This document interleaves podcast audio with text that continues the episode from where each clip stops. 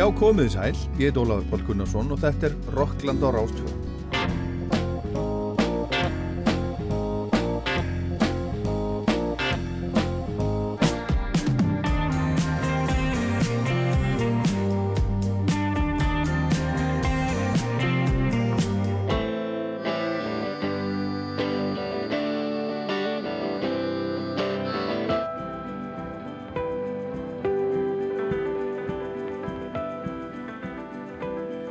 Elvis Costello er gestur Rocklands í dag.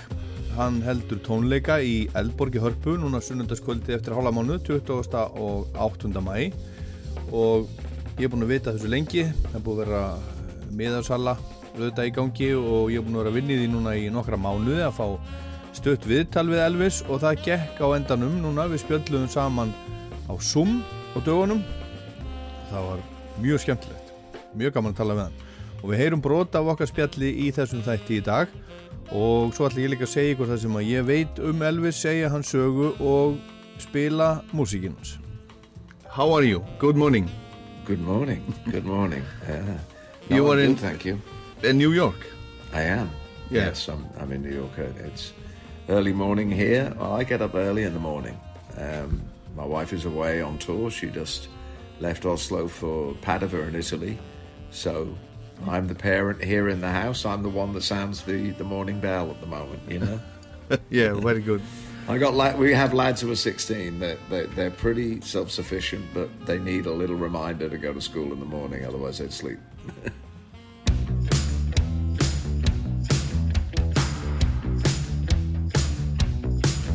After talking in tongues, I began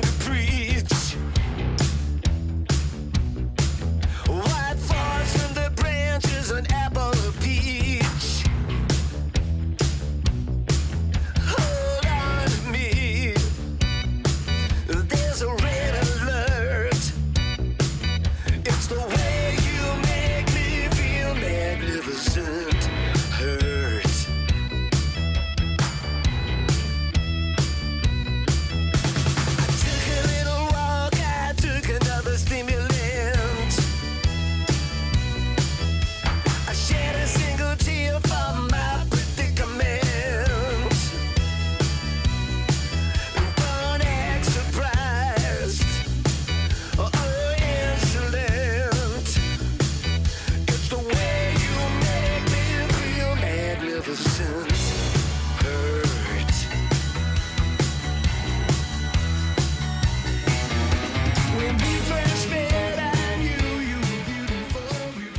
Þetta er okkar maður Elvis Costello og lag sem heitir Magnificent Hurt og þetta er að finna á nýjustu plötunan sem heitir The Boy Named If og kom út bara í fyrra.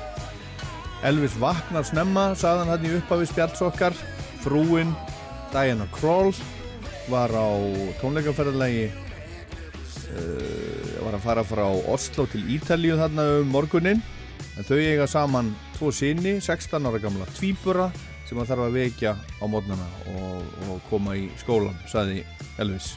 Annars bara sofaði Elvis er þríkvæntur, hann er 68 ára gammal einn af þessum stóru, hann hefur sami músík með Paul McCartney og McCartney hann líkti uh, því að vinna með honum við það að vinna með sjálfum Lennon. Og hann hefur samið með Burt Bacharach hann hefur gert plötur með Brodsky kvartettinum Anna Sophie von Otter hann hefur uh, samið með Roots og Bill Frisell. Hann á fullt af allskins tónlistavælunum sem hann hefur hlotið í gegn tíðina, hann er búinn að vera í fræðarhöld Roxins í 20 ár og plötundar hans eru orðnar svona cirka 50 eftir því hvernig maður telur. Elvis Costello er bara risi, vinsæll og virtur þúsundtjálasmiður, meistari magnaður og með margar hliðar og svo hefur hann líka leikið í slatt af kvikmyndum og sjónvastáttum og, og svoleiðis. Og það var mjög gaman að tala við hann. Og áður en við förum í, í eh, söguna sem ætla að setja fókusin á eh, svona fyrstu árin eh, sem að mótuðu Elvis. En við skulum heyra aðeins fyrst hérna af þessum, þessum tónleikum hans sem að verða í Eldborg. Hann kemur með tvo vini með sér Nick Lowe sem var upptökustjóri á fyrstu hans Elvisar fyrir meirinn 40 árum og hann samdi líka eitt vinsalasta lægið hans í rauninni What's so funny about peace, love and understanding. Heyru það auðvitað hérna eftir. Og svo kemur með honum píjónuleikarin Steve Naive sem, a, sem er búin að spila með honum bara síðan í upphafi. En svo er líka að koma heil haugur af aðdáundum Elvisar allstaðar að úr, heiminum og það er alls konar prógram fyrir þá og tónleikandir í Eldborg eru svona eins konar hápuntur þess ferðarlags I, I don't know very much about the party. I mean, I, I, I thought I might even be a surprise. I, I didn't know whether they actually knew I was going to be there. I suppose they have to tell them. Ok, But um, the opportunity to play for that audience that wants to, I mean, I think I share their desire to come to Iceland.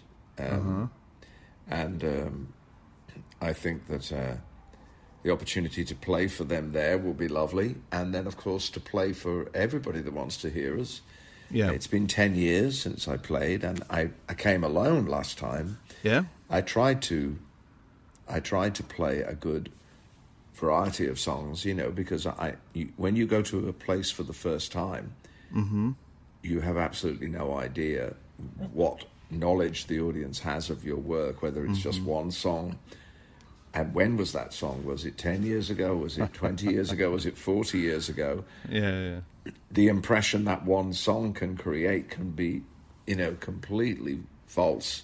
yeah. Um, no, through no fault of theirs. I mean, I went to Korea once, and and the audience sat absolutely horrified through most of the most of the material until I got to She, which had been a huge hit there, and of course, because I'd never made that connection before that time, Yeah. and had this um, completely out of character song, had been successful in a number of countries in the world. Let's put it this way: this show isn't going to contain she. You know, it's Yeah. we, we are very far from that. Yeah, yeah. Um, but coming with Steve Naive uh, is is great because we've been playing recently um, in a two two man performances, which we did a, a pretty long tour in twenty years ago, and of course we play together all the time in the Imposters, but we've been featuring Steve Moore at the piano, and then it, there are different songs that we can play when mm-hmm. he's on the stage with me. You know, there Yeah. are there are songs I can play on the piano, but my piano playing is is fairly rudimentary, whereas he is a master. You know, Yeah, And yeah. It, it's great to give him the space, and it means that we can do some of the songs that I wrote with Burt Bacharach, which of course are very much in the front of my mind at the moment since we lost Bert only a Yeah. short time ago. Yeah. In fact, on the eve of the 10 night stand that I did in New York. So it was quite difficult to balance the joy and expectation of doing this very different sort of show. Mm-hmm. Uh, where I played a different set every night for 10 nights. I only repeated three songs. I played Really? more than 230 songs. Wow. Uh, I, I, I billed it as 100 songs in 10 nights, and we had done 100 by night four. Wow. And every night I brought out people that were not on the bill. I brought out a, a, a five piece band the second night, a, a string band with a musical saw and uilleann pipes. And the next night I had a jazz bass player, and then I had an eight piece Broadway chorus and a horn section, all on different nights. Uh-huh. So, although we can't promise we don't have so many friends in Iceland because we, we've not been there very often, um, I think just bringing Steve will make a big difference to the Yeah. scope and the and the uh, and hopefully the depth of of the show that people see. Yeah. And of course, we have our pal Nick Lowe on the bill Yeah. as well, who.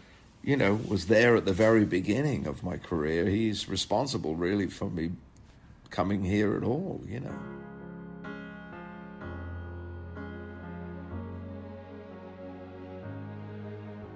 She may be the face I can't forget, a trace of pleasure or regret. Maybe my treasure or the price I have to pay. She may be the song the summer sings, maybe the chill the autumn brings, maybe a hundred different things within the measure of a day. She may be the beauty or the beast, maybe the famine or the feast, may turn each day into a heaven or a hell. She may be the mirror of my dreams, a smile reflected in a stream. She may not be what she may seem. Inside her shell.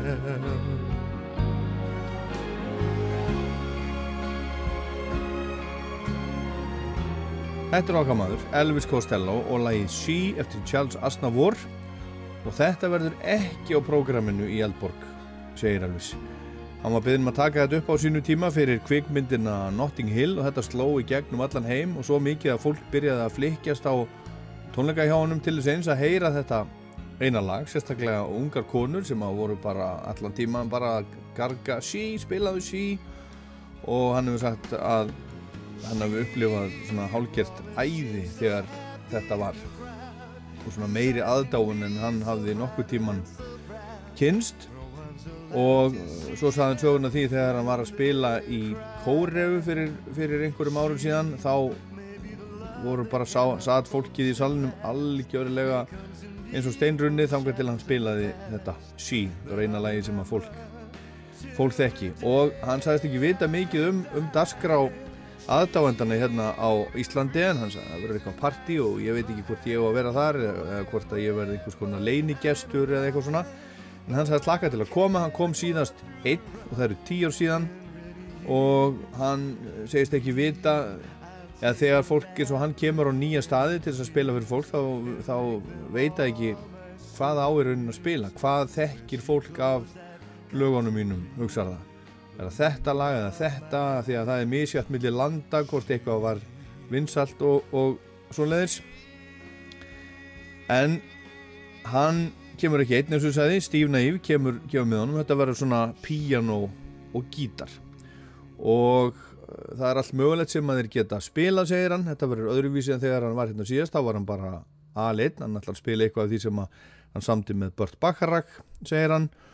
Og svo var hann að segja frá því að hann spilaði núna í februar þess orði tíu kvöld í röð í leikúsi í New York. Byrjaði rauninni kvöldi sem að vinnur hans Burt Bacharach lést og það var erfitt að, að balansera segir hann svona gleði og, og sorg. Og hann ætlaði að spila, hann lagði upp með það að spila á þessum tíu kvöldum 100 lög, 100 mismunandi lög. En hann var búin með 100 lög eftir, eftir fjögur kvöld og hann spilaði í það heila, hugsið ykkur 239 lög, mismunandi lög. Það voru 250 lög í það, í það heila og, og 239 mismunandi. Það er alveg ótrúlegt. Og hann var með alls konar, alls konar setup. Hann var einn og það voru hljómsveitir og það var brass og strengir og, og hitt og þetta sem að hann dúkað upp með sem var ekkert, ekkert auglýst. Og Nick Lowe er að, er að koma með honum yngar til Íslands og Elvi segir að hann er í honum mikið að þakka. En Elvis Costello, hann heitir ekkert Elvis Costello, hann heitir Declan Patrick McManus, sonur tónlistamanns og hljómsveitastjóra Ross McManus sem var Íri og, og, og mammas hétt Lilian Alda. Hún var frá Liverpool og hann fættist á spítala heilarar Marju í London 25. ágúst 1954.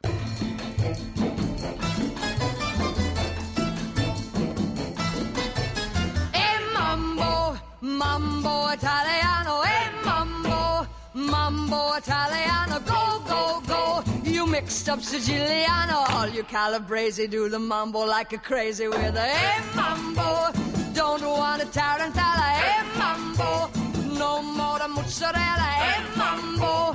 Mambo Italiano, try an enchilada with the fish bacala and a hey gumba.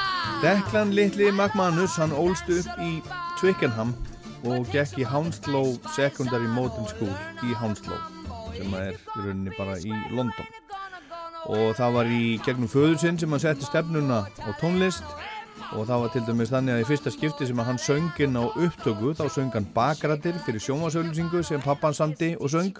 Það var 1974 og gaman að geta þess að Ross fadir hans vann til veluna fyrir þessa auðlýsingu það árið á International Advertising Festival. En Declan hann flutti svo með mömmu sinni til Birkenhead sem er við Mersey ána, ekki langt frá Liverpool, það er sem hún er árið 1968 þegar hann var 14 ára eftir að fólkdra hann skildu og þar stopnaði fyrstu hljómsveitina eða réttar sagt svona folk duett með félaga sínum Alan Miles. Hann gekk í mentaskóla í Birkenhead en á honu loknum fór hann til London aftur og þar stopnaði hann hljómsveitina Flip City sem var starfandi frá 74 til 76 og um uh, það leiti fór hann að kalla sig D.P. Costello til heiðus pappa sínum. Costello var hérna bara ungur maður, einn af ótrúlega mörgum sem var að reyna að einhvern veginn meika það í músík. Og með drauminn í brjóstinu þurft hann að vinna þetta við eitt og annað til að framfleta sér eins og gengur og, og gerist. Hann var á skrifstofunni hjá Elisabeth Arden um tíma og samti lagum þá reynslu sína. Og svo vann hann hjá Midlandbankanum við að pikka einn tölur svo eitthvað sem nefnt. Hann var 21 árs auðralaus, allslaus, þannig lagað kvæntur með lítið barn og svona músiklega þá leit nú framtíðin ekkert sérstaklega vel út hjá honum. Hann vann við það sem bauðst, hann var rótar um tíma hjá hljómsveit örlega valdsins, Nick Slow sem er, er mitt að koma með honum hinga til Íslands eftir tverr vikur, hljómsveitin var Brinsley Svarts, en á sama tíma var hann að semja lög og var að reyna að komast á plötusamning og svona og endanum fekk hann samning hjá Stiff Records út á, út á demo tape sem að hann sendi inn svona pröfu upptökur. Og það var Jake nokkur Rivera sá sem uh, sáum hann hjá Stiff Records sem lagði það til að hann tæki uppnafnið Elvis, Elvis Costello.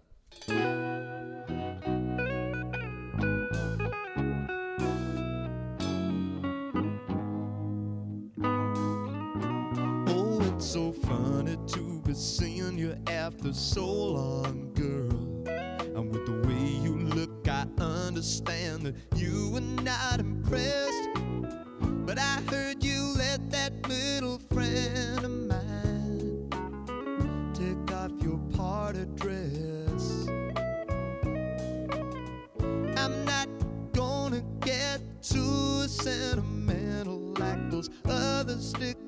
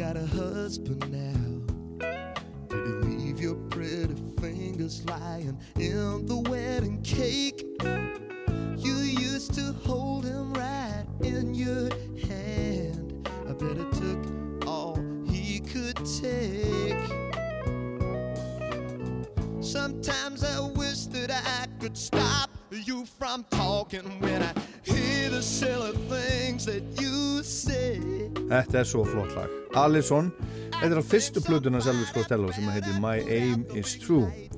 Hún kom út sömari 1977, punki var í algleimingi í Breitlandi og Elvis þótti svona svolítið tilheyra punkurunum. Hann lúkaði svolítið eins og punk útgáða af Buddy Holly 20 árum síðar.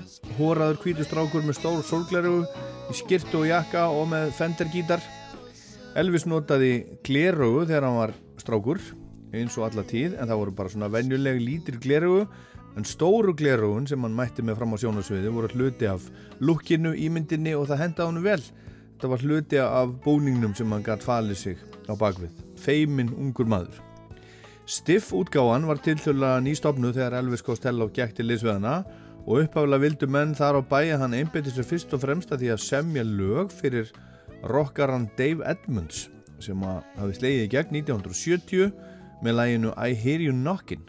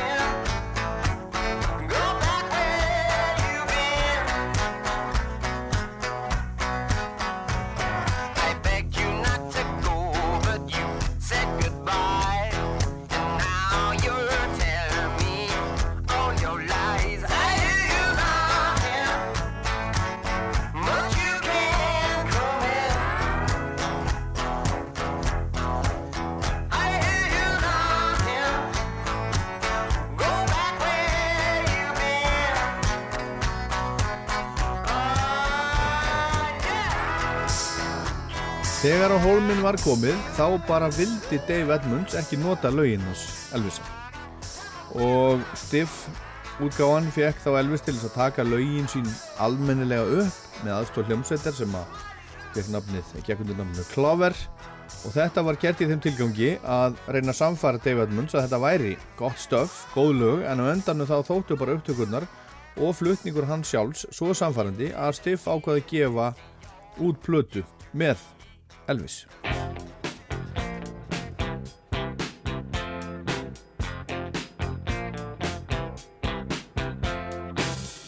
Mr. Oswald with a swastika tattoo. There is a vacancy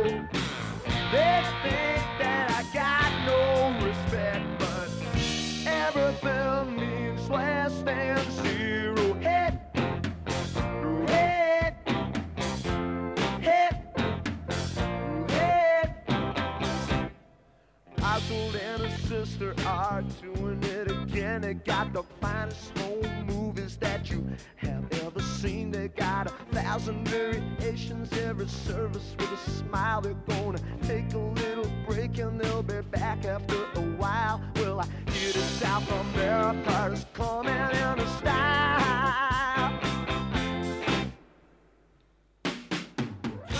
Þetta lag hérna, þetta er að finna á fyrstu blötunum líka, heitir Less Than Zero, Minna en Ekkert og fjallar um Oswald Mosley sem var leiðtögi breska fasista flokksins kringum 1900 og 30 komum kannski betur á því á eftir, en kannski ekki. Þessi plata, fyrsta plata Elvis Costello náði 14. sæti breska vinsættarlistan þegar hún kom út og það þótti bara vel gert, mjög gott. En hvers vegna tók hann upp nafnið Elvis Costello? Sagan er þannig að hann sýðist að hafa lendi í vandraðu með, með nafnum sitt Declan McManus. Fólk heyrði ekki nafnið Declan þegar hann sagði það í gegnum síma til dæmis. Og sömur gátt ekki stafsett nafnið McManus rétt. Og hann ákvaði þess vegna að nota fjölskyldunafn ömmu sinnar sem var ítölsk, Costello og setti svo Elvis fyrir framann og það var fyrst og fremst bara svona hálfgett djók. Og hann hafði eh, heldur ekki hugmyndum að þetta músikbröllans væri komið til að vera. Það væri raunin ekki alveg eh, tengt því þetta gæti allt eins verið bara búið eftir nokkra mánuði. Var bara svona rétt að byrja. Og hann saði einu svona að miða við önnur listamannsnöfn sem jafnaldrarans og samferðamenn tóku upp á þessum tíma þá geti hann bara verið nokkuð sáttur. Johnny Rotten, Sid Vicious, Rat Scabies eru kannski ekki alveg jafn gladir með, með sín nöfn. En sá sem stjórnaði upptökum á fyrstu plötunni eh, var fyrirnemdur Nick Lowe sem ætlar að koma með Elvis núna til Íslands. Hann er nokkurum árum eldri en Elvis og var á þessum tíma þarna í hljómsveitinni Rockpile með Dave Edmunds. Og hann samti stærsta smell Elvis koma því á eftir. Við rættum um það ég og Elvis um daginn þegar við, þegar við tölum saman. En Nick Lowe og Elvis kynntust árið 1972 í Liverpool.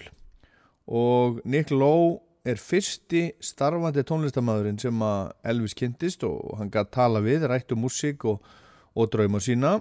Og Nick Lowe var Elvis mikil fyrirmynd á þessum, þessum tíma. Og þegar hann fóð svo að banka á dyrnar hjá Stiff Records í London 1976 þá starfaði Nick Lowe þar sem upptökustjóri.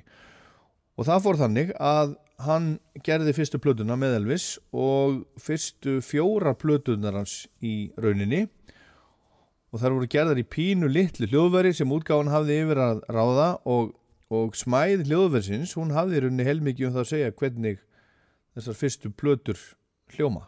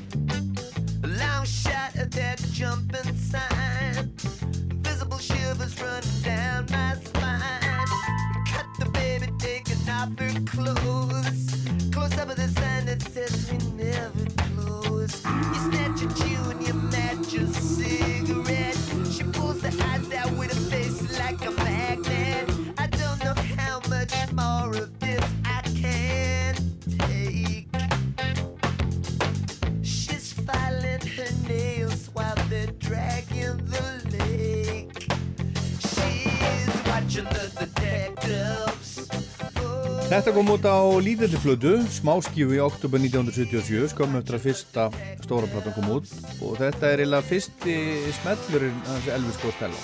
Less Than Zero og Allison sem við heyrðum á hann náðu ekki inn á top 40 á breska vinsættarlistan. Þetta fór hæst í 15. sæti listans og þannig eru bara bassi, gítar og trommur og þetta lag segir Elvis að marki eins konar upp af ferilsins hjá honum. Hljómsveitin sem spilar undir hjá honum á fyrstu blöðunni en er reyndar ekki með honum í þessu lagi. Kláver var bandarisk sveit sem var starfandi í Englanda á þessum tíma og með Elimir Kláver áttu síðar eftir að ganga til liðs við til dæmis Huey Lewis and the News og Doobie Brothers. Og þeir spiluðu lítið með honum gerðu bara með honum þessa fyrstu blödu og þetta var, var eitthvað leyndamál vegna þess að þeir voru ekki með atvinnuleifi í Bretlandi en kallarnir hjá Stiff voru aðdáendur þessara stráka frá Ameríku og höfðu platað á yfir hafið til að vinna. En þetta var svona hálfgerð hörmunga vist hjá þeim og svona byggu í hálfgerðum kofa út í sveit og svona. En Elvis vandaði sagt band með sér eftir að platna kom út til þess að fylgja nettir og þá stopnaði hann The Attractions og svo hljómsveit átti, átti þetta að gera með honum margar plötur og þeir fylgdi honum alveg frá 78 til 86 og svo aftur frá 94 til 96 og hluti af bandinu er með honum ennþá til dæmis Steve Naive sem er að, er að koma með honum hinga til Íslands til þess að spila eftir hálfa mánuð. Og Elvis lagði mikla áherslu á að tónlistarnar sér er gefin út í Ameríku líka og það gekk ekki alveg þrautalust fyrir sig. Hann komst að því að, að hún var bara, bara fáanleg í Ameríku sem svona innflutt vara, import í litlu upplægi og hann vildi breyta því og hann fór og tróð upp algjörlega óumbeðin á lítilli ráðstefnu CBS útgáfunar sem var haldinn í London og hann var handtekinn fyrir það og sektaður fyrir óspektir hann fór bara og, og, og, og mætti og spilaði á, á liðið þarna á ráðstöfnunni en þetta leiddi á endanum til þess að hún var búðin samningur við CBS haustið 77 og 17. desember 77 spilaði Elvis með Attractions í Saturday Night Live sjónvastættinum reyndar átti Sex Pistols að spila í þessu þætti en það kom eitthvað, eitthvað upp á. Kannski hefur stjórnendum þáttarins ekki litist á að bjóða Sex Pistols í þáttin ég bara man ekki hvernig svo saga var eða þekki hann ekki. En Elvis stökk inn með litlum fyrirvara og spilaði þetta lag hérna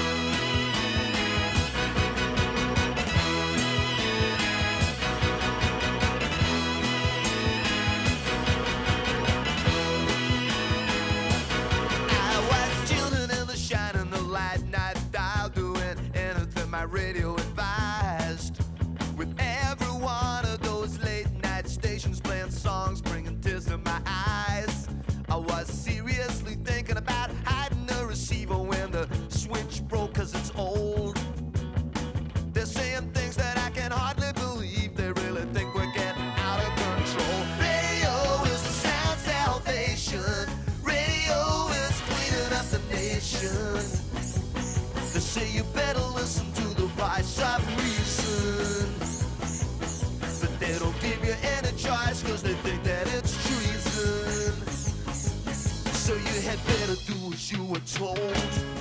You better listen to the radio.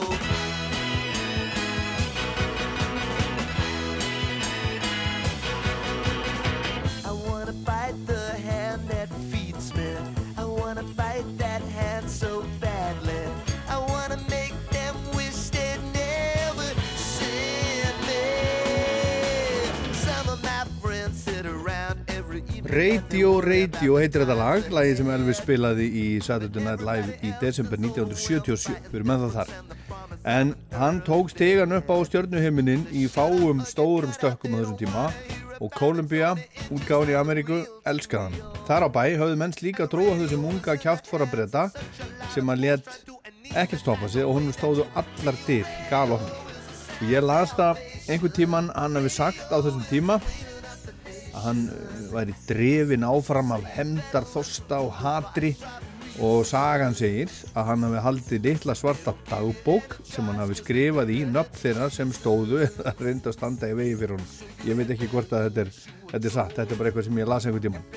En allavega, önnur platan hans, This Year's Model kom út 17. mars 1978 og það var fyrsta platan með hljómsveitinni The Attractions sem er að margri fjölmarkara eina bestu plötum rocksjóðan, hefur lent á alls konar slíkum listum í gegnum tíðin.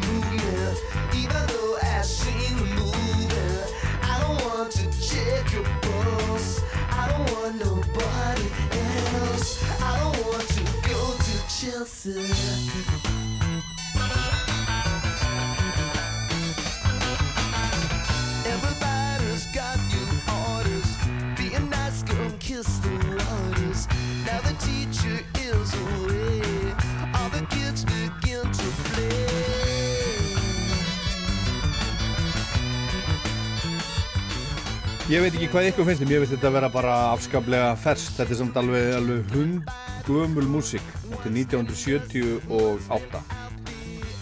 Elvis Costello, okkar maður sem er með tónleika í hörpu eftir sléttar tvær vikur. Lag sem heitir I Don't Want To Go To Chelsea. Þetta er á annar plötunni This Year's Model og hún náði fjórða sæti breska vinsættalistans á sínum tíma.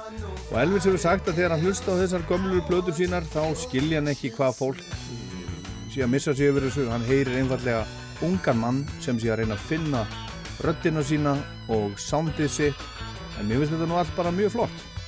Hann reyfst sjálfur af, af alls konar músík þegar hann var ungu maður. 60s hetjum eins og Beatlánum hann er svona 60s bad fættu 1954 Beatlarnir, Rolling Stones, The Who, Small Faces og svo var hann líka mjög hrifin af nýju böndunum sem hafa komið frá Ameríku eins og Television, Talking Heads og Voidoids til dæmis og þetta skein allt saman í gegni því sem hann var að gera. En 1979 kom út platan Armed Forces sem að hefur að geima lægið Oliver's Army sem við heyrum eftir og Elvis segir okkur frá. En þessi plata fór alla leið í annarsæti vinsaldalistans í Breitlandi og þar er líka að finna lag sem að heitir Accidents Will Happen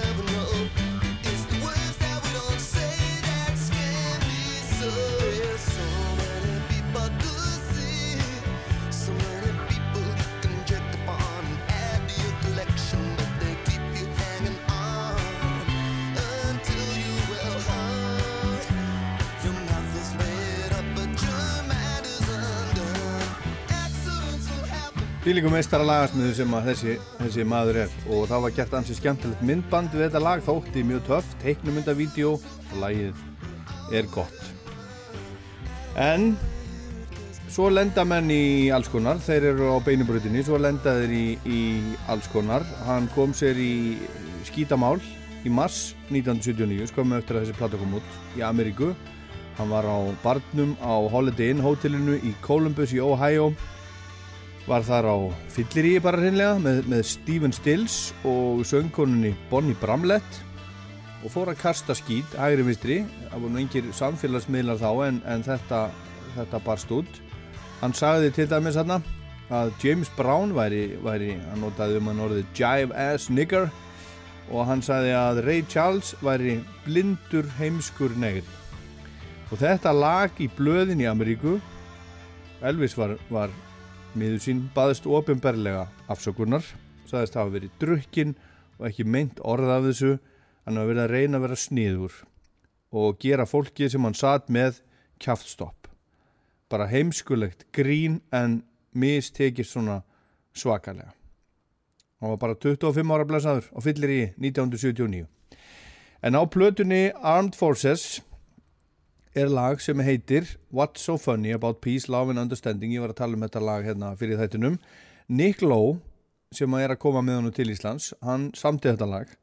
Og þetta er eina lagi sem hann spilaði öll kvöldin tíu í Gramercy Theatre í New York núna í februar hann spilaði 25 lög á kvöldi 250 lög í það heila á tíu dögum. Og þetta voru 239 mismunandi lög og svo var þetta lag alltaf. One of my favorite songs of yours is his song. What's so funny about, about peace, love and understanding? It's- that was the only song that I played every night at the Gramercy Theatre.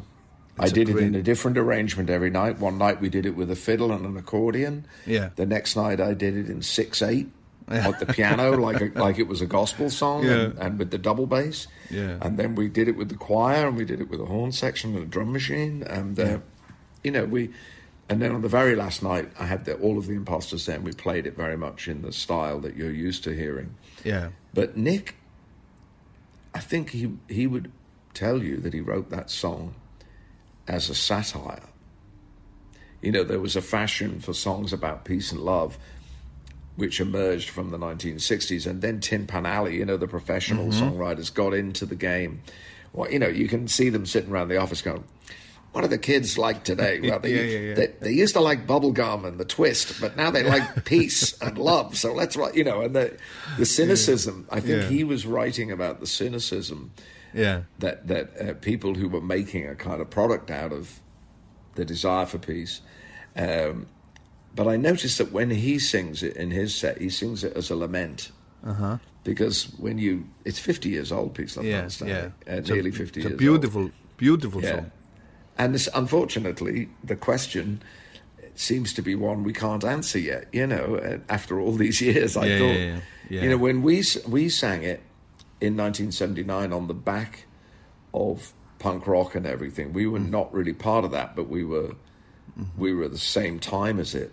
And a lot of people were saying a lot of things, and I, I had the idea to revive Nick's song, which was by that point only it was only actually four years old at that point. I think he recorded it in 1974, and uh, we brought it back in '78. And um, you know, I thought it was by playing it very furiously. It seemed like we were asking a, va- a valid question, but delivering it as if it was one of these much more um, nihilistic expressions that had been in punk. You know, I, it mm. wasn't like I didn't like some of those records, but I thought we can play much better than some of these bands. Mm-hmm. So uh, we should do this anthemic song of Nick's. And of course, in America, it's as well known as any song I wrote. It's another one of those curiosities that I, mm. you know, I've written a lot of songs, but I, I write unusual songs and I don't expect them to be for everybody. You mm-hmm. know, not every song I write. I can write,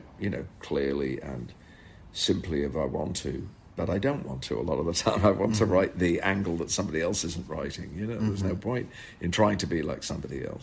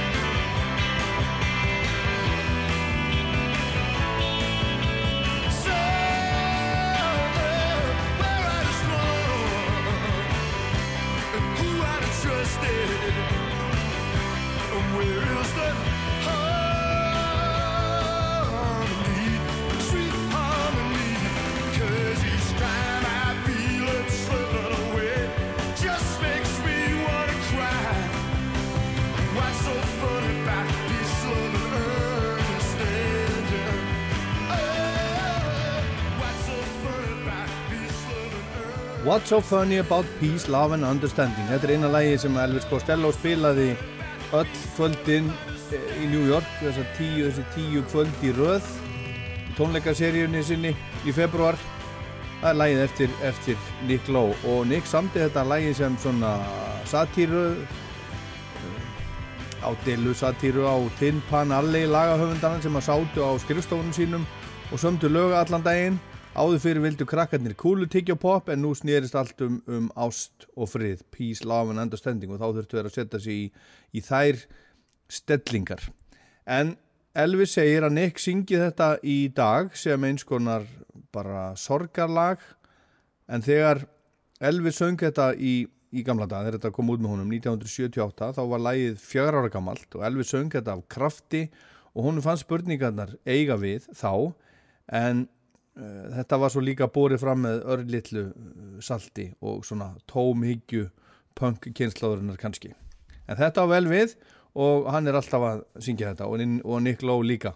En við erum hérna að skoða feril og sögu Elvis Costello sem heldur tónleika í hörpu eftir tvær vikur og við erum eiginlega ennþá bara svona í, í upphafinu. Þetta var svo mikið af frábæri músík sem að koma út þarna fyrstu árin. Við erum á þriðju plötunni en hann hefur sendt frá sér svona eitthvað um 50 plötur og hún er fjölbreytt músíkinnans Elvisar. Hann hefur komið uh, víða við, það er reyndar, uh, leiðinda frasi, hann hefur komið víða við. En hann er svona eins og Gunni Þórðar og Paul McCartney. Hann hefur gert rock og nútíma klassik og bara allt þar á milli. Hann getur, hann gerir allt, hann getur allt. Fyrsta lægin sem ég heyrði með Elvis Costello og heitlaðist af var Oliver's Army, af einmitt sömu plötu og þetta lag, Armed Forces 1979, ég var 10 ára og mér fannst þetta strax alveg hrigalega flott og finnst það enn. Var lengi vel ekkert að pæli um hvað hann var að syngja þannig að þetta bara flottu frasi Oliver's Army is here to stay og eitthvað svona.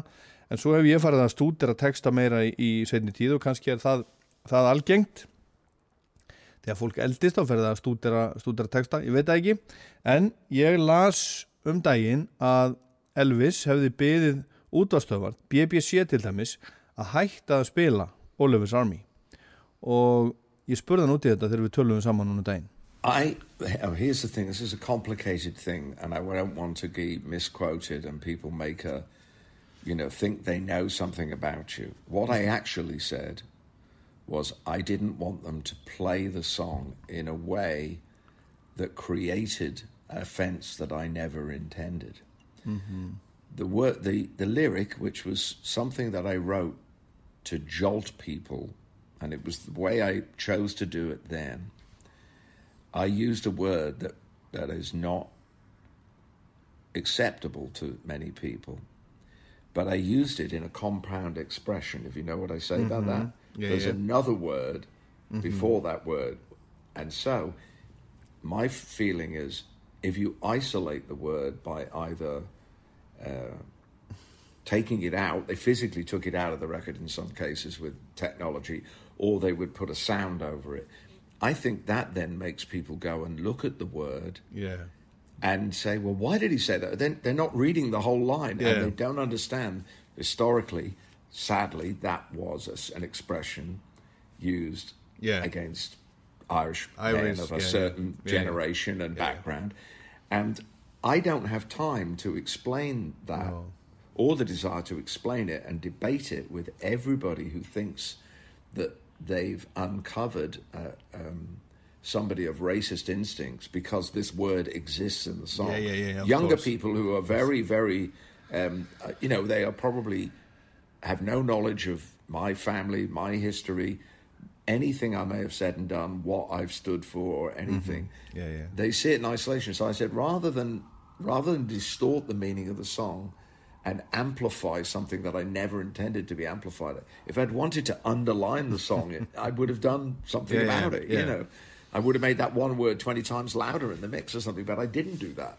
So I, I simply said, if you're going to mangle the song, if you're going to basically mutilate the, the meaning of it, Mm-hmm. why? I don't care. Stop playing it. Yeah, yeah. I, I, I don't play it as a golden oldie and then abdicate the Yeah. responsibility to everybody in your audience, and people of your age, you heard it originally. What about people who are younger that are hearing it for the first time and getting completely the wrong idea about what the song is actually even Yeah. about?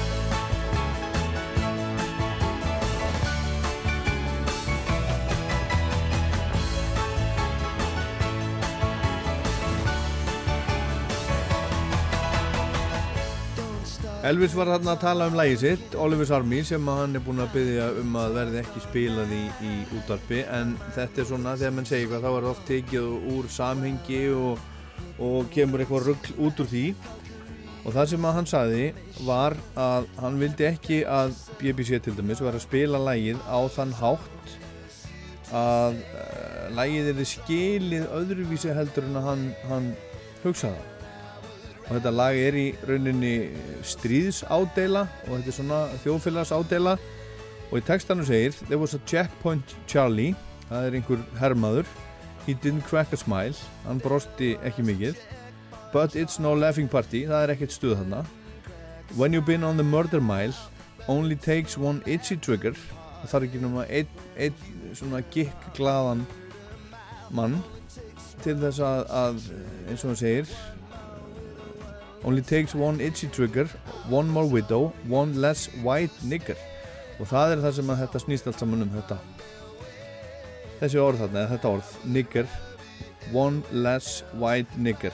Og ef að þetta er bara tekið eitt og sér og það er orðið annarkvort tekið út eða, eða sett píp yfir það eða eitthvað sless, þá, þá er uh, fókusin í rauninni settur á það og þetta er skilið sem einhvers konar rasismi eða eitthvað svo leiðis en hann er alls ekki var alls ekki á þeim buksónum hann er að uh, bara nota tungutak sem að var notað í gamla daga. Englendingarnir kölluðu kathólsku írana þetta white niggers í gamla daga.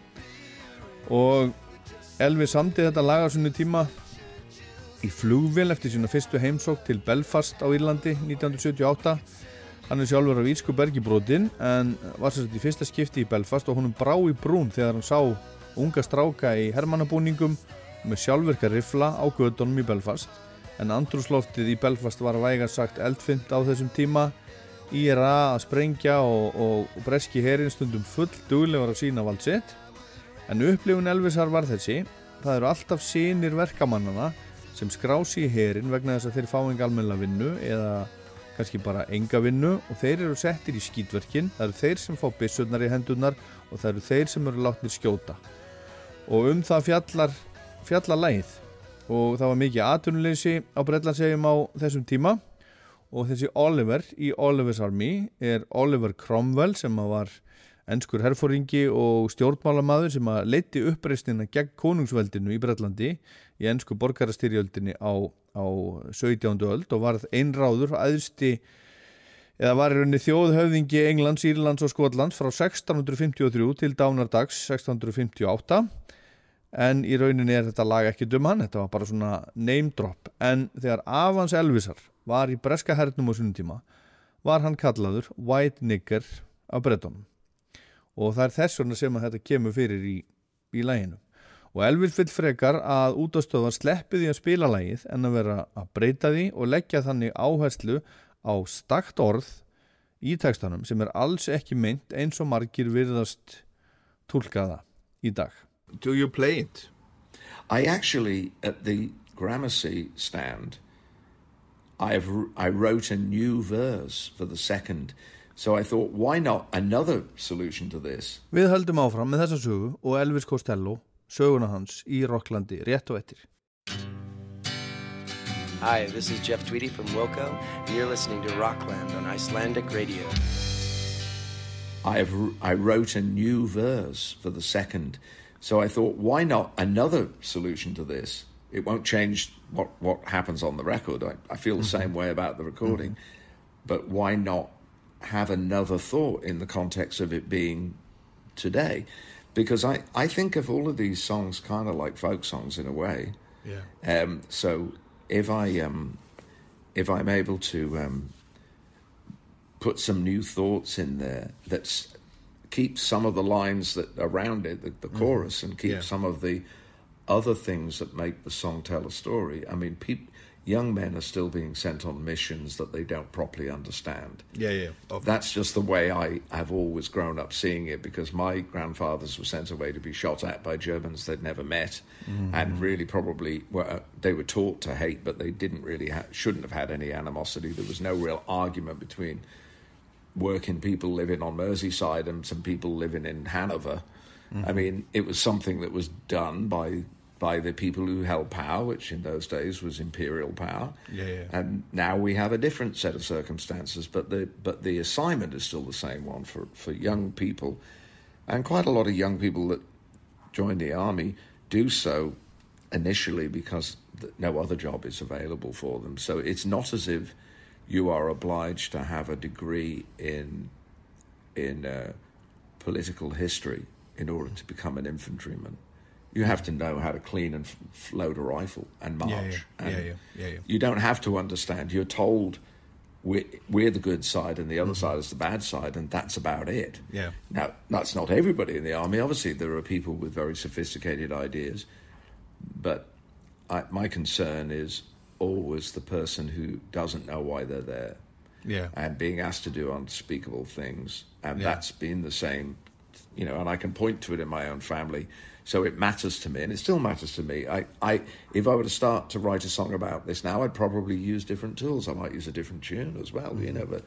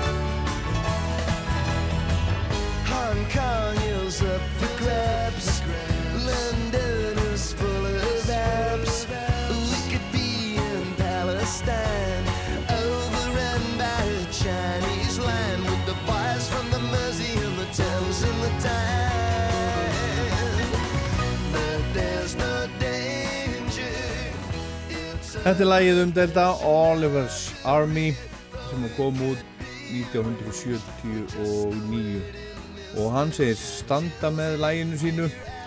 Hann segist líta á lögin sín sem, sem einhvers konar þjóðlög. Og hann hefur breytt textanum aðeins núna. Nýlega í takti við breyttan tíðaranda en það er ennverð að senda fólk, ungt fólk í stríð. Það er verið að etja fólki saman pólitíkusar og ráðamenn senda ungt fólk í stríð á oft vafasömmum fósendum kannski alltaf, ég veit það ekki. Og hann segir að það hef ekki verið mikil óeining milli fólksins almenna borgara í Liverpool og Hannover á tímum setni heimtiraldarinnar en það voru þeir sem að réðu pólitíkusarnir fóringjarnir, þeir sendu ungu hermennina í kúlnaregnið og það voru einmitt ungi menn frá Þýskalandi sem skutu úr riflónu sínum á Avans Elvis þegar hann var ungu maður í hernum á sínum tíma. Unga fólkið er sendt á vývellina og það þarf að gera ræðilega hluti, drepa annað fólk til dæmis, þetta er alveg mál og það er náttúrulega bara vita það allir að, að fólk eru ofta alla æfi að, að díla við afleðingar svona hörmunga sem að, sem að stríðir.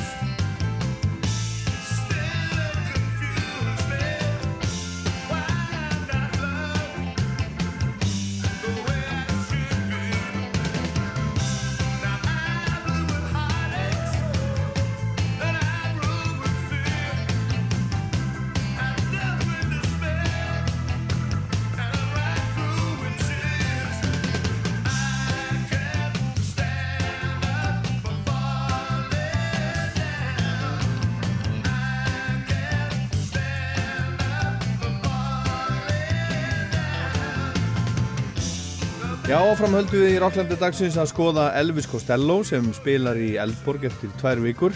Þetta lag, I Can't Stand Up for Falling Down, kom út á fjórðu plötunars Elvisar, Get Happy árið 1980.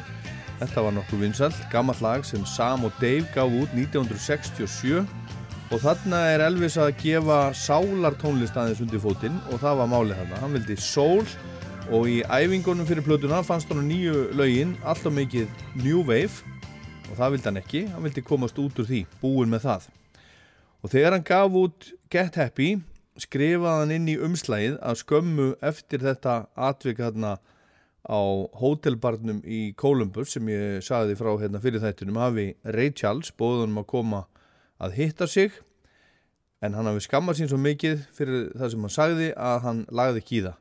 En Ray Charles á að hafa sagt um þetta að það sem henn segðu undir áhrifum áfengis ætti ekki að prenta á síður dagbladana. Og Elvis Costello hefur aldrei verið neitt rasisti, þvert á móti hefur hann verið döglegur að taka þátt í barátunni gegn einmitt kynþáttahatri og á þessum tíma var hann öflugur liðsmaður í því sem að hétt Rock Against Racism. Þetta var reyfing í Breitlandi og þar var hann ásamt uh, fólki á hljómsveitum eins og The Clash, Buzzcocks, Generation X og fleirum svona úr punk og new wave deildinni. Og þessi plata Get Happy fekk mísjafna dóma en seldist nokkuð vel fór hæst í annarsætti breskafinsættalistans eins og Armed Forces frá árunni og undan. En svo hefur tímin liðin og þessi plata þykir bara nokkuð góð. Og svo árið eftir kom ennin platan hún heitir Trust og þar er meðal annars þetta lag að finna. Clubland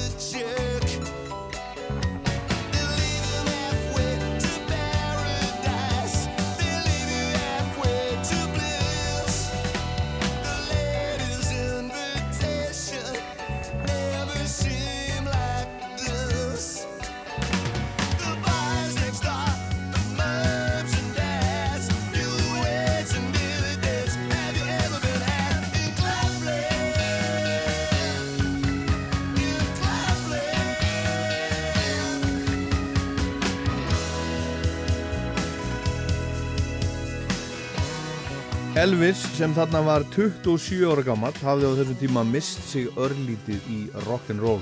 Drakk mikið og oft og púðraði stundum á sér neppan með því.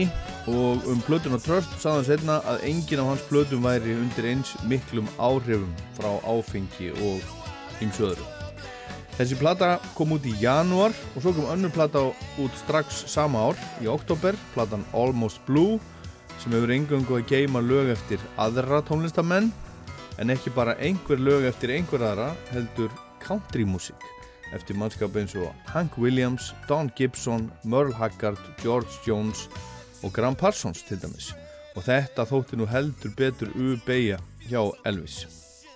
Og það var uh, svona limmiði sem að fylgdi með, með plötunni. Og settu limmiði á plötuna sem að hljómaði svona Warning, this album contains country and western music and may cause offense to narrow-minded listeners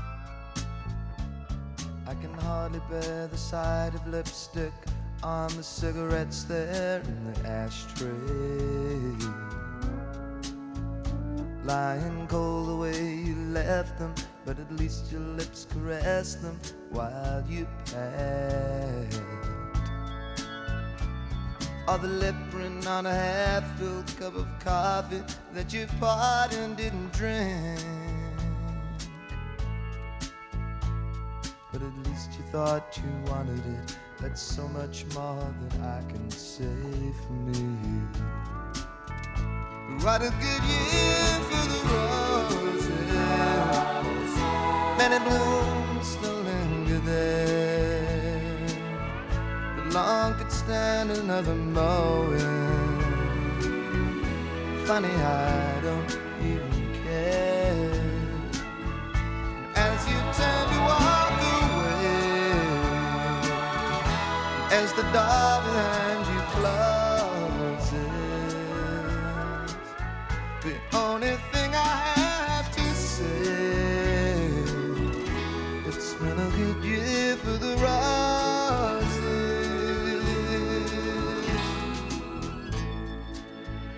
George Jones gerði þetta lag frækt fyrstu manna og svo tók Elvis þetta og hérna á þessu landamistikusti er þetta mun þekktara með Elvisinum en George og brettar voru hrifnari á þessum country-æfingum hjá Elvis en amerikanar, platan náði 50. sæti bandarinska vinsættalistans en 7. sæti heima í Bretlandi bandarækjumenn eru ekkert alltaf tilbúinir til að hlusta á country-músík sem að þeim finnst ekki vera alvöru country. Þeir setja svona alls konar, konar fyrirvara um að þessi eða hinn sé að spila country og, og fyrst stundum eins og sé verið að gera grína þeim og ímislegt svo leiðis en áfram höldum við. 1982 kom enninn platan og þar hljóma rockamáður svona. Almost blue, almost doing things we used to do. There's a girl here and she's almost you, almost all the things that your eyes once promised. I see in hers too. Now your eyes are red from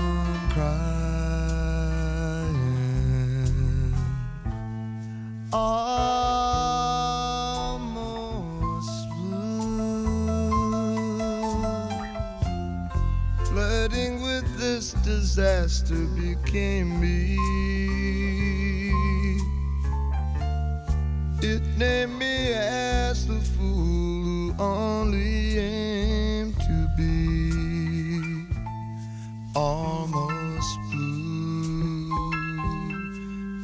It's almost touching, it will almost do. There is part of me that's Almost Blue eftir Elvis. og þetta lag heitir náttúrulega sama nafni og platan sem kom út þarna á undan country coverlaga platan en þetta kom út 1982 á plötunni Imperial Bedroom og það hafa margir gefið þetta út og, og, og, og enn fleiri sungið þetta hér og þar.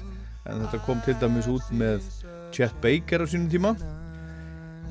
Og áframöldum við. 1983 þá kom plata sem að heitir Punch the Clock og það er að finna fyrsta lag Elvisar sem að komst inn á top 40 á bandariska vinsaldalistan Every Day I Write a Book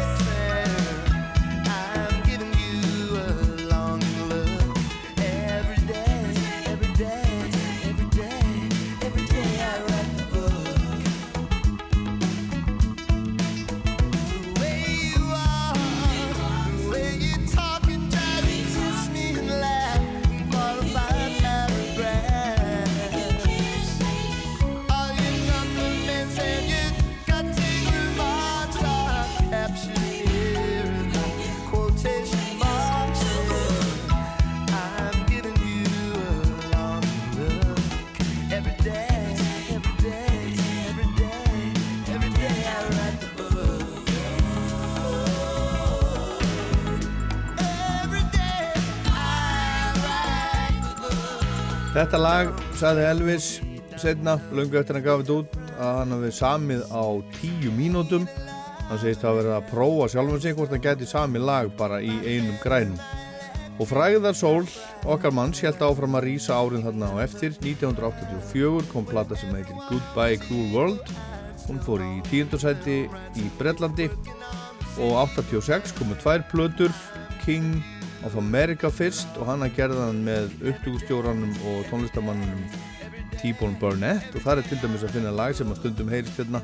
Eða hefur heyrst á rástöfu gegn tíðina Don't Let Me Be Misunderstood sem Nina Simone söng fyrstinn á plötu og síðar Animals. Og King of America þótti merkilega plata. Þar spila menn sem spiluðu með Elvis Presley á sínum tíma til dæmis. Og setna sama ár kom svo plata sem heitir Blood and Chocolate og þar er Attractions bandi komið með honum aftur. Og gamli vinnur hans sem er á leiðinni við honum til Íslands eftir tvær vikur.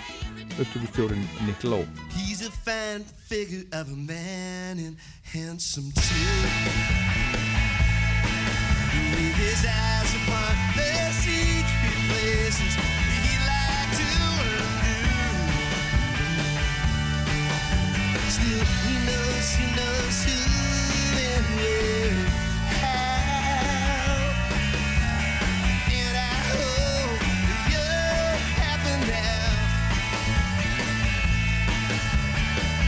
got all the things you need and some that you will never. But you make him sound like frozen food. His love will last forever. Still, he knows what you want and what you don't allow.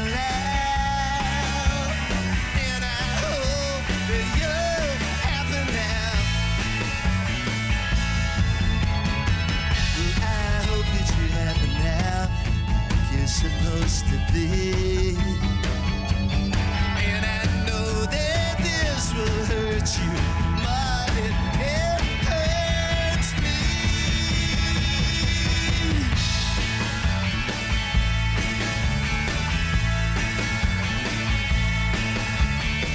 He's acting innocent and proud, still you know what is after. I Hope You're Happy Now heitir þetta. Elvis Costello 1986 það er sama og ekkert 80s við þetta. Hann slapp algjörlega við vonda 80s soundið Elvis Costello, þetta er bara tímalaust og alls ekki hægt að heyra þetta sér næstu því 40 ára gammalt og svolítið svona bítla soundið, þetta er bítlalegt lag. En það liðu þrjú ár þarna þar til Elvis sendi næst frá sér plötu og hana gerðan án Attractions og með T-Bone Burnett Þetta var fyrsta platan hann sem að koma út á merki Warner Brothers. Hann sagði þarna skilið við CBS útgáfuna og Columbia í Ameríku og Warner gaf út um allan heim. Nema hvað, hann setti bláppann við að blötu sínar kæmu út í Suður Afríku meðan apartheid var enn við líði. Og á þessari blötu spila ýmsir góði gestir eins og til dæmis trommarinn Jim Keltner sem hefur bæði spilað með Neil Young og stuðmönnum Þannig er Roger McGuinn, Kristi Moore, Donna Lunny sem er bassfæðir Sinead O'Connor og hefur gert plötu með Æfur Pálsdóttur.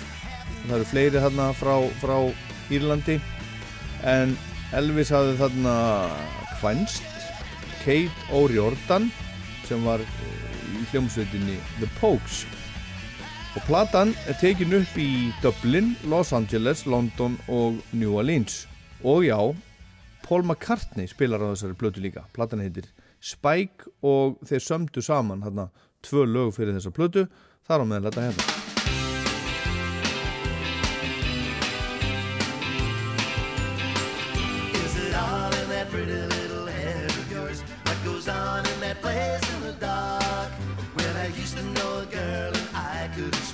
That her name was Veronica.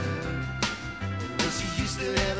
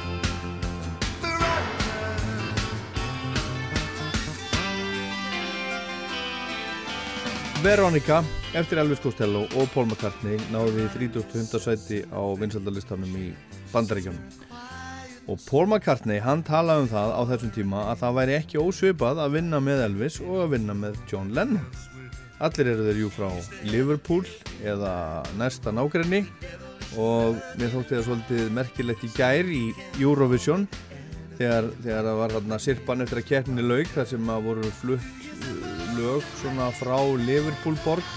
Að það var ekkert bítlalag, það var ekkert lag eftir Paul McCartney, það var ekkert lag eftir Elvis Costello og það var ímislegt, það voru ekki lög eftir svo, svo marga. Og ég vennu bara að játa það, það voru þarna tvö lög, eða þrjújabil af þessum, þessum sex sem ég bara reyni að kannast ekki við. Ég þarf eitthvað að fara, fara að fara í endurmöntun eða eitthvað.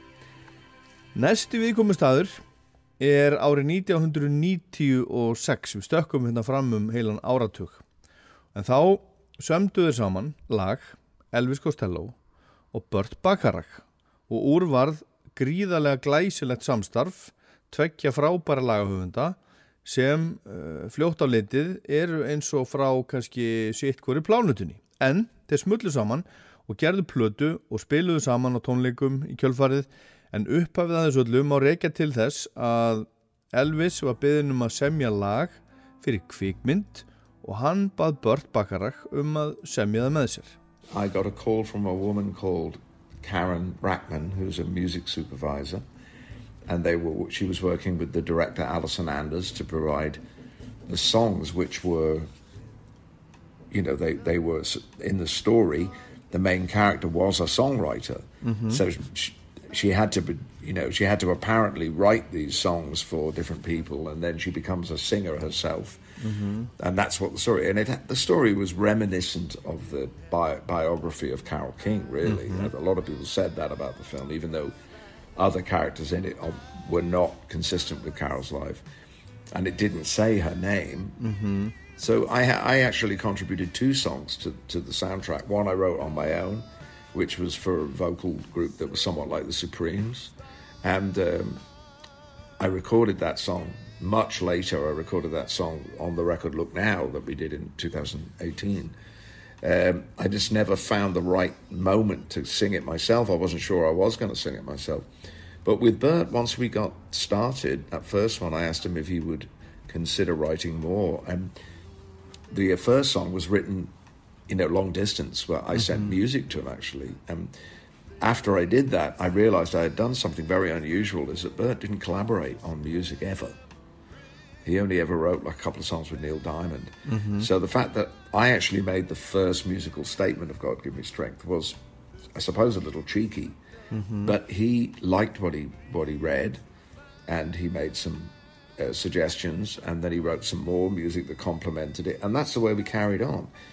And so it meant that we had lots of different ways that we could write. Sometimes he would write all of the music and I'd just be the lyricist. Sometimes I would write something and he would say, Well, that fits in in the repertoire, but it isn't there's nothing to say. It's done. Mm-hmm. And that's a big compliment when it comes from Bert Bacharach, you know. But most of the time we got into exchanging ideas. He might write the bridge, I might write the the you know the transition or the or the other way around. He might write the verse, I might write the chorus, and uh, and however we got there, and really after all these years, I don't have a I don't have a map that tells me exactly where the joins are. It doesn't matter, does it? I mean, Yeah, it would be odd yeah. if it sounded like Yeah. a collage. It doesn't sound like a collage. They sound like seamless songs. Yeah. I think what happened was I, I started to think in his musical language, and he would make subtle changes sometimes in inside the music that I had written. Sometimes just like one note different or a delay the change to a harmony, and it would make it even more like his voice. And I didn't really want to make a rock record. I thought it would be uh, it would sound weird if we tried to strap on a heavy beat because his music has always been very um, elegant and you know this sort of the flowers uses a, a lot of different rhythms you know a lot of subtle rhythms a lot of things from brazil mm-hmm. that he kind of interpreted. So i was very comfortable working in that form and i wanted to hear the orchestrations that and i persuaded him to write the orchestrations. Originally mm-hmm. he didn't want to do it but i mm-hmm. managed to really dig my heels in. I said no i don't want david foster to do this. I don't want anybody else but you to do it. And uh, he eventually agreed so i'm glad yeah. Já, já, þeir voru fengnir til þess að semja lag fyrir þessa mynd, eða Elvis fyrst, Great From The Heart, árið 1996 og þessi mynd fjallar um lagahöfund, konu sem fer svo sjálf að syngja. Og það er ímislegt sem að gengur á í hennar lífi og svona, þetta er, þetta er mikil dramatík og þessi saga þessi mynd er lauslega byggð á æfi Carol King en bara lauslega. Og hún heitir ekki Carol King í myndin en eitt svo þetta er bara svona einhvern veginn uh, svona, hún er svona einhvers konar fyrirmynda þessari sögu. Og Elvis samdi á endanum tvö lög fyrir þessa mynd. Eitt samdan einn og svo samdan lagið God Give Me Strength með Burt Bacharach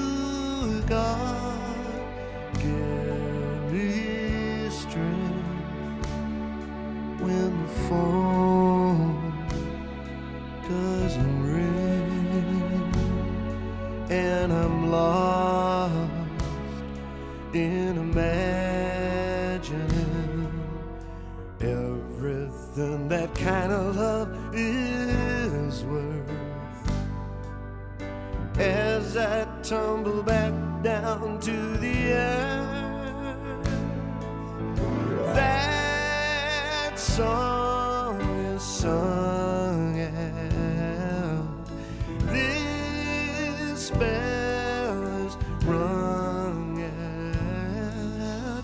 She was the light that I'd bless. She took my last chance of happiness.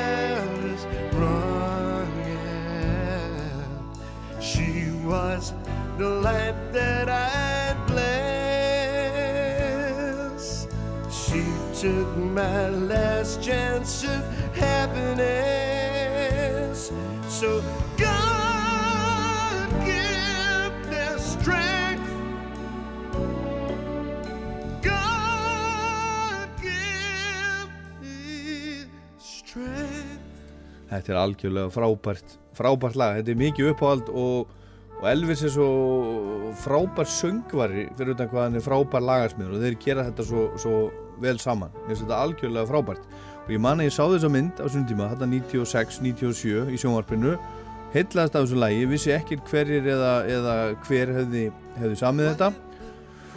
En það kom svo í ljós, ég fór að, svona gramsættir þessu en Elvis á grunn hugmyndina læginu sem Burt leist vel á og svo bætti hann við og svona þeir smíðuðu þetta bara svona saman. Elvis sendi Burt fyrsta uppkastið af læginu á faxi muniði, telefax. Og Elvis segir að þeir hafi í kjölfarið fundið upp á mörgum aðferðum til þess að vinna saman. Þeir, þeir fóru að vinna meira saman gerðu saman heila plötu, frábæra plötu Painted from Memory sem kom út 1998 stundum samti bört lægið að mestu og Elvis textan en stundum skiptuður með sér lagapörtum og hann segist ekki muna eins og í dag hver samti hvaða parta hvaða lægi en það skipti það engu og lögin hljómi mjög svona heil og, og samskeita laus og Elvis hefur samið alls konar músík á löngum ferli ruddalegt kraftmikið rock, countrymúsík, strengjamúsík, klassík, stórsveitapopp eins og hann gerði með Burt og það fannst honum rétt að leiðin þegar þeir voru að vinna saman. Burt var svo flinkur, segir hann, var búin að tilenga sér alls konar músík frá, frá Suður Ameríku til dæmis.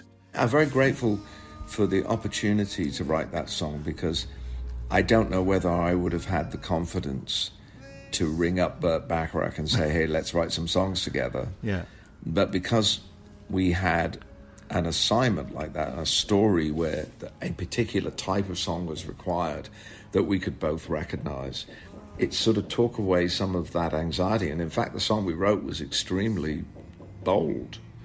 Um, so I think I said in, you know, we recently, just d- days before Bert passed, we were able to give him the um, the record the, the whole box set of everything that we did together, which is something I'm very proud of. And, and I mean, it contains two orchestral numbers that we wrote, uh, conducted and orchestrated by Vince Mendoza, and they were recorded in September uh, 2021. So not very long ago, and there was Bert in the studio still Yeah. telling everybody where they were going wrong. You know, I mean, he he's remained utterly focused on music and Yeah. a story that was created.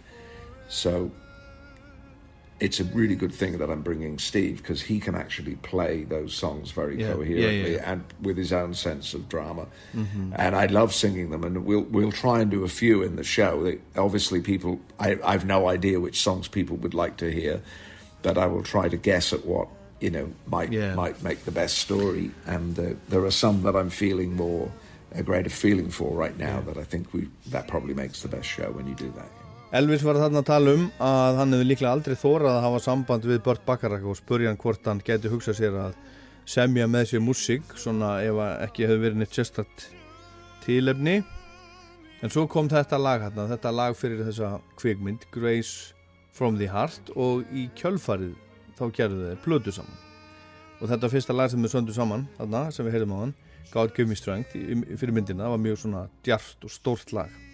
Og bara skömmu áður en, en Burt Bacharach lést núna í februar gati Elvis farið með stóra boxsettið sem að koma út nýlega með öllu sem að þeir gerðu saman hann og Burt gamla platan Painted from Memory sem að koma út 1998 og það sem var til af tónleika upptökum með þeim saman og tvö lög sem að voru tekin upp 2021 þetta heitir The Songs of Bacharach and Costello 49 laga pakki og þetta er til dæmis líka bara á Spotify.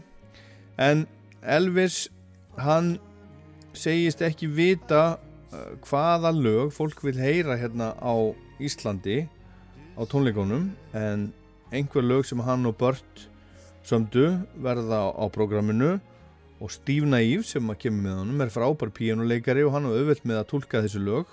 Og, og Elvis var að tala um að Bört hafi verið á kafi í músík allt til enda. Algjörlega frábær. Heyrum hérna annað lag af blöðunni þeirra sem að heitir Toledo.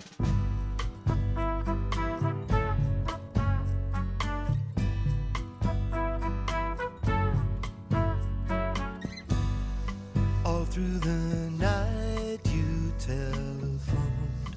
I saw the light blinking red beside the cradle. But you don't know how far I've come. Now I must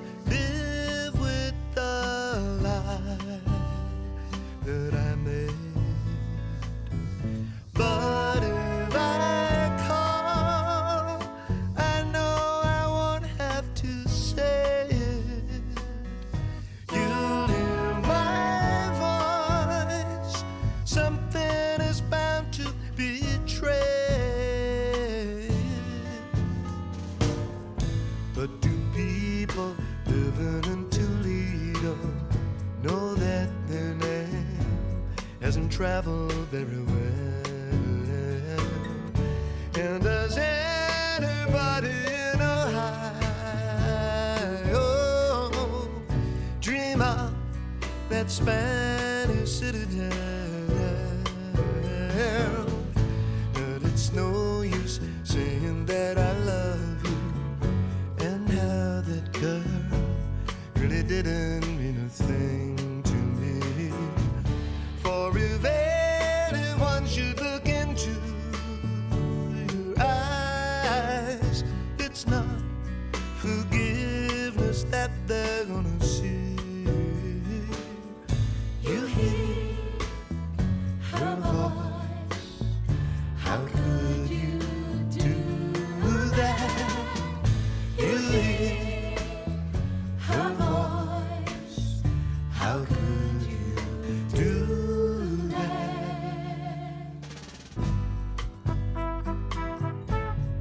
Elvis og Burt 1998 þetta heitir Toledo og Elvis hann allar uh, bara mjög líklega að spila þetta á tónleikunum í Eldborg 20. og 8. mæ eftir hálfamánu nákvæmlega og ég hugsa að ég verði með smá meiri umfjöllun um þá félaga sérstaklega þegar við, við töluðum saman svolítið meira ég og Elvis um Burt og ég kemði ekki að hérna í dag og uh, ég spjallaði líka við, við Burt Bakarak þegar hann kom inga til Íslands fyrir, fyrir nokkrum árum og, og við töluðum líka þá um samstarfi við Elvis. En ég ætlaði svona að gera aðeins úr því á tónleikadag.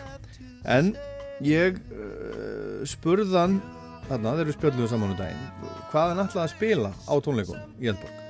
I think I've written a, a set which tries to cover all of the things that I think Steve and I are feeling the best about at the moment. Mm-hmm. That- As I say, there's no point in just playing songs out of sentimentality. Mm-hmm. I think we've got some recent songs and some songs from the very beginning, all of which are very vivid to us at the moment in the way we're playing them. I mean, I've been obviously recent weeks I've been playing some of the songs I wrote with Bert. We were mm-hmm. playing the song Toledo, and that seemed to be very beautiful. That seemed to be able to be one that we were able to find very readily. Mm-hmm. There are a couple of of less well-known songs that kind of took people by surprise in our recent shows, and I, and I hope they take you all by surprise in a good mm-hmm. way. Mm-hmm. Uh, so you always want to try and spring a surprise, a song that you maybe never heard before that has a very direct form of expression. We also kind of have some ingenious ways of trying to, you know, we're not a band, so we're not just going to thrash the guitar trying to make the power of a band.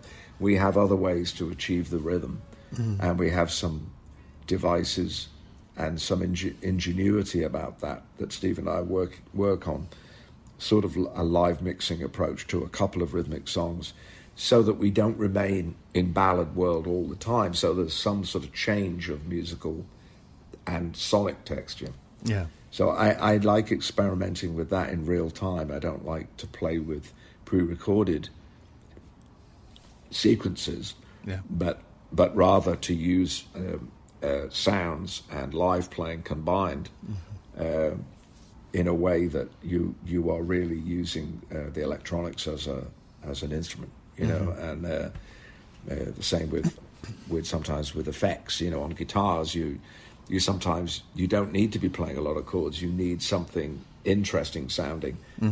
Got- You know, I think it's an approach that comes from film music, and film music is much more uh, over recent times. Has certainly it's brought a lot of things back into the realm of interpreting pictures with um, techniques that have come out of modern recording, out of out of dance and hip hop more than mm. out of rock and roll. Mm-hmm. You don't hear a lot of rock and roll songs in films, but you hear a lot of things influenced by electronica, you know, and that's the way it should be because that is sort of picture painting music, you mm-hmm. know.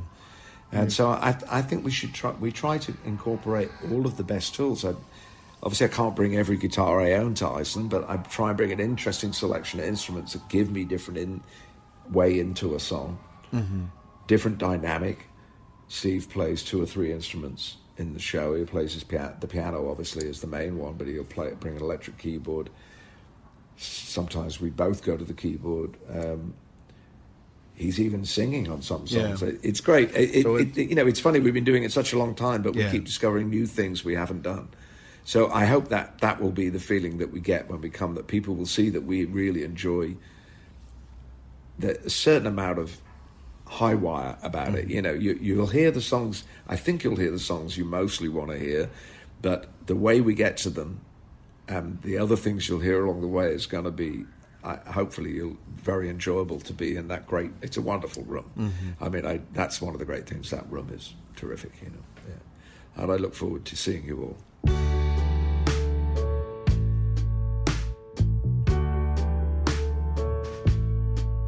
You was the youngest of five and the only son.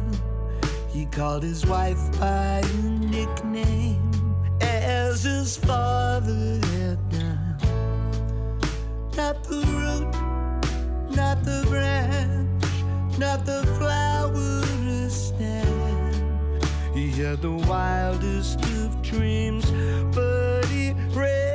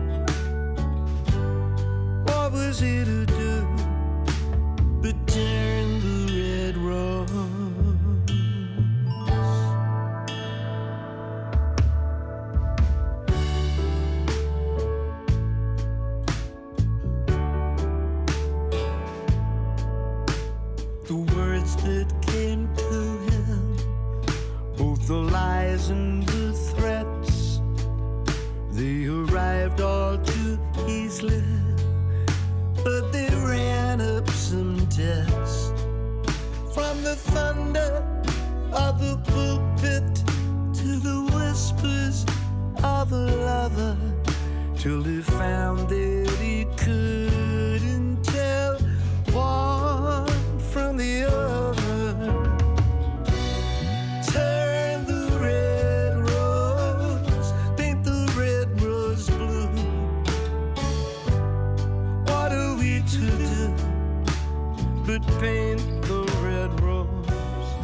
Þetta er síðasta lagi með Elvis Costello sem við heyrum í þessum þætti. Við mötum að heyra eitt lag til viðbótar. Þetta heitir Paint the Red Rose Blue og þetta er að finna á nýjustu plötunans Elvis þannig að fólk heyri vel að hann er ennþá alveg með þetta allt saman. Frábær, er ennþá að gera frábæri lög gera flottar flotta plötur og þessi plata síðasta plata, The Boy Named If sem að koma út í fyrra, hún er með til dæmis 83 í engun hjá Metacritic sem að þykir nú bara nokkuð gott þetta heitir Paint the Red Rose Blue. Og Elvis er búinn að setja saman lagalista fyrir Elborg, allavega saðan með það þegar við vorum að tala saman þarna um daginn á Zoom. Og þetta eru gömul lög og ný lög sem að samdi með Burt Bacharach. Og svo satt ný lög og gömul lög sem að hann og Steve Naive gefa nýtt líf með nýjum útsetningum og svona þeir ætla að leika sér svolítið og þetta verður ekki bara balluðu stund segir hann þó svo þeir verður bara tveir á sviðinu hann og Steve, sér gítar og piano and uh, talking about, about the show you will, you will be joined by uh, your friend Steve and Nick Yes. will, will Nick be on stage with you the, the whole, whole night or is he opening Well, I, he won't be on the stage with us all night. He's going to do his own set. Uh-huh. I think he's coming alone. He's wonderful in, in solo performance. I mean, he is the gentleman balladeer uh-huh uh, of all time. You know, he has such a beautiful voice. His voice is is a thing of wonder. And he has all these great songs and he's very engaging. I think I will try and persuade him to come and sing a couple with us because we do enjoy singing together. Yeah. We've never recorded as artists together. We did a lot of records with him as Yeah, yeah, producer, yeah, and even one one time I even produced him. But, but, Mm-hmm. um, you know, that's even that's I don't know how long ago, a long time. Um, so he did the tour with us last year, last summer. He, his he and the band Lost Straight Jackets, who are a rock and roll band, came out and on the road with us last summer, and people loved it. The combination, and then for a little bit of the show, Nick would come out and join me and the Imposters, mm-hmm. and we'd do a couple of tunes, a ballad, and we'd do Peace, Love, and Understanding. So I, I would hope that he will agree to do that on Yeah. on this show. I think it'd be a lovely way to end the show, you know. Elvis segir að Nick, vinnur hans sé indislegur balluðu söngvari með, með frábæra rödd og hann verður eitthvað með Elvis á sviðinu en hann ætlar líka að spila sitt eigið sett á undan Elvis, spilar einn og hann segir að hann sé bara frábær, svona einn síns liðs. Og þeirra eins og margótt hefur komið fram hérna í þessu þetta í dag þekst lengi, Nikló stjórnaði upptökum á mörgum fyrstu plötum Elvisar og, og Elvis stjórnaði svo upptökum á einni af hans plötum. Nick Lowe and his cowboy outfit 1980 og fjögur. Og Elvis sagði kannski endu við tónleikana í hörpu saman. Það væri skemmtilegt. Og það verður þá þetta lag hérna sem að er, ég held að Elvis spili þetta lag alltaf. En hérna heyrum við það á tónleikum með höfundinum Nick Lowe fyrir nokkrum árum. Þetta var Rockland, þið getið alltaf hlusta á netinu og í rúf spilaranum. Ég heit Ólafur Páll. What's so funny about peace, love and understanding? Takk fyrir að hlusta. As I walk this wicked world, searching for light in the darkness of insanity. Oh, yeah, I ask myself, is all hope gone? Is there only pain, hatred, and misery? Oh, yeah.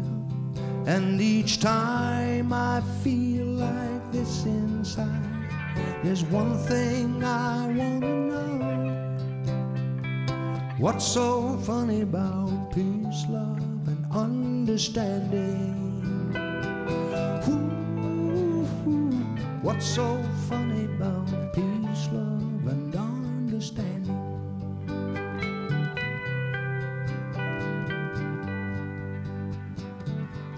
And as I walk on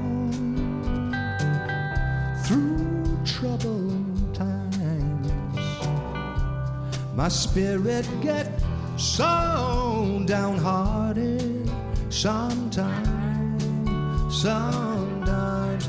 Where are the strong and who are the trusting? And where is the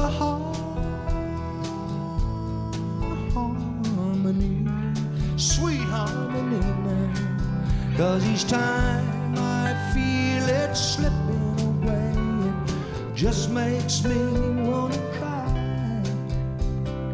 What's so funny about peace, love, and understanding? What's so funny about peace, love, and understanding?